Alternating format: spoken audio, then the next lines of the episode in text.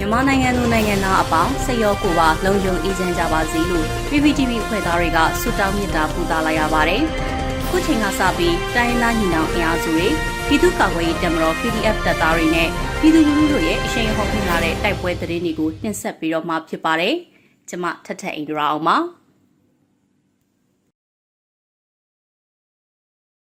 ပထမဦးစွာမြင်းမှုအာထကတဲ့အတွင်းတက်ဆွဲထားတဲ့အကြမ်းဖက်စစ်တပ်ကို 40မမနဲ့ပြစ်ခတ်တိုက်ခိုက်မှုစစ်သားထိခိုက်မှုများတဲ့တဲ့တင်ကိုတင်ဆက်ပေးပါမယ်။စကိုင်းတိုင်းမြင်းမှုမျိုးအာထကတဲ့ကြောင်းဝယ်အတွင်းကျူးကျော်တက်ဆွဲထားတဲ့အကြမ်းဖက်စစ်တပ်ကိုဒေသကာကွယ်ရေးမဟာမိတ်တပ်ဖွဲ့တွေကစက်တင်ဘာလ6ရက်ယမန်နေ့ည8:15မိနစ်အချိန်မှာ40မမလက်နက်ကြီးနဲ့ပြစ်ခတ်တိုက်ခိုက်ခဲ့ရာစစ်သားထိခိုက်ဒေဆုံးမှုများနိုင်ကြောင်း DKPDF မြင်းမှုကသတင်းထုတ်ပြန်ပါတယ်။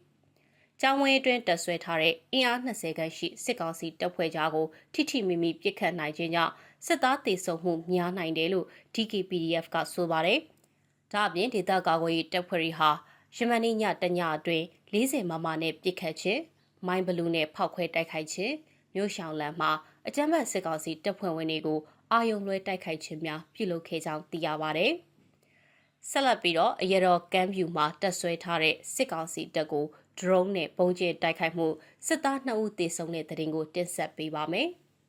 စကိုင်းတိုင်းအေရော်မြို့နယ်ကမ်းဖြူရွာမှစာတေကြောင်မှတက်ဆွဲထားတဲ့စစ်ကောင်စီတပ်ဖွဲ့ကိုစက်တင်ဘာလ6ရက်ယမန်နေ့ညနေ9နာရီခန့်မှာ drone နဲ့ပုံကျဲတိုက်ခိုက်ရာစစ်သား2ဦးသေဆုံးရာ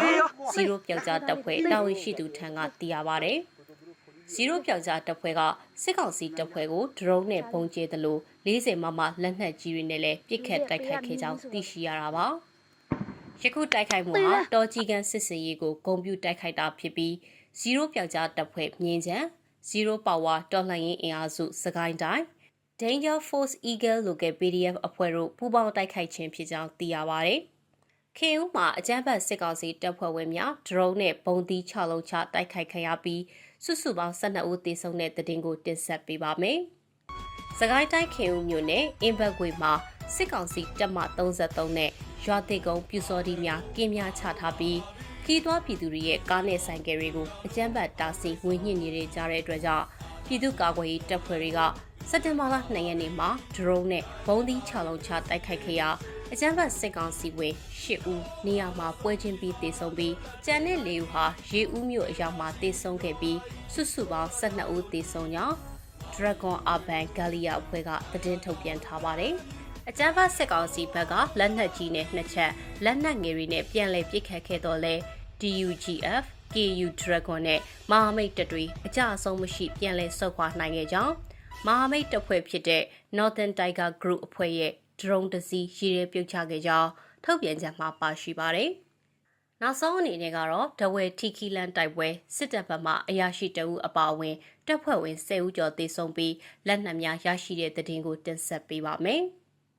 တနင်္သာရီတိုင်းဒဝဲထီခီကာလန်တနေရာမှာစစ်ကြောင်းထိုးလာတဲ့စစ်ကောင်စီရဲ့ခလာရ283တပ်ကိုဘိုးအဲခွီဦးဆောင်သောစာကစောတပ်မဟာ PDF ပူပေါင်းတပ်ဖွဲ့တို့ကတိုက်ခိုက်ခဲ့ပြီး စစ်တပ်ဘက်ကအရာရှိတအုပ်အပါအဝင်တပ်ဖွဲ့ဝင်10ဦးကျော်သေဆုံးကြောင်းသိရှိရတာပါစက်တင်ဘာလ6ရက်ယမန်နေ့မှာတိုက်ပွဲဖြစ်ပွားခဲ့ခြင်းဖြစ်ပြီးအကြမ်းဖက်စစ်တပ်ဘက်က10ဦးထပ်မံတေဆုံးကခလာရ283တပ်ဖွဲ့ဝင်များကိုင်ဆောင်ထားတဲ့ပစ္စတိုတနတ်တလက် MA အမျိုးအစားတနတ်လေးလက်နဲ့ခဲယမ်းတွေကို PDF အဖွဲ့ကတင်စီရမိခဲ့ကြောင်းဒေတာကာကွယ်ရေးရှင်းမြစ်ထံကသိရပါဗျ။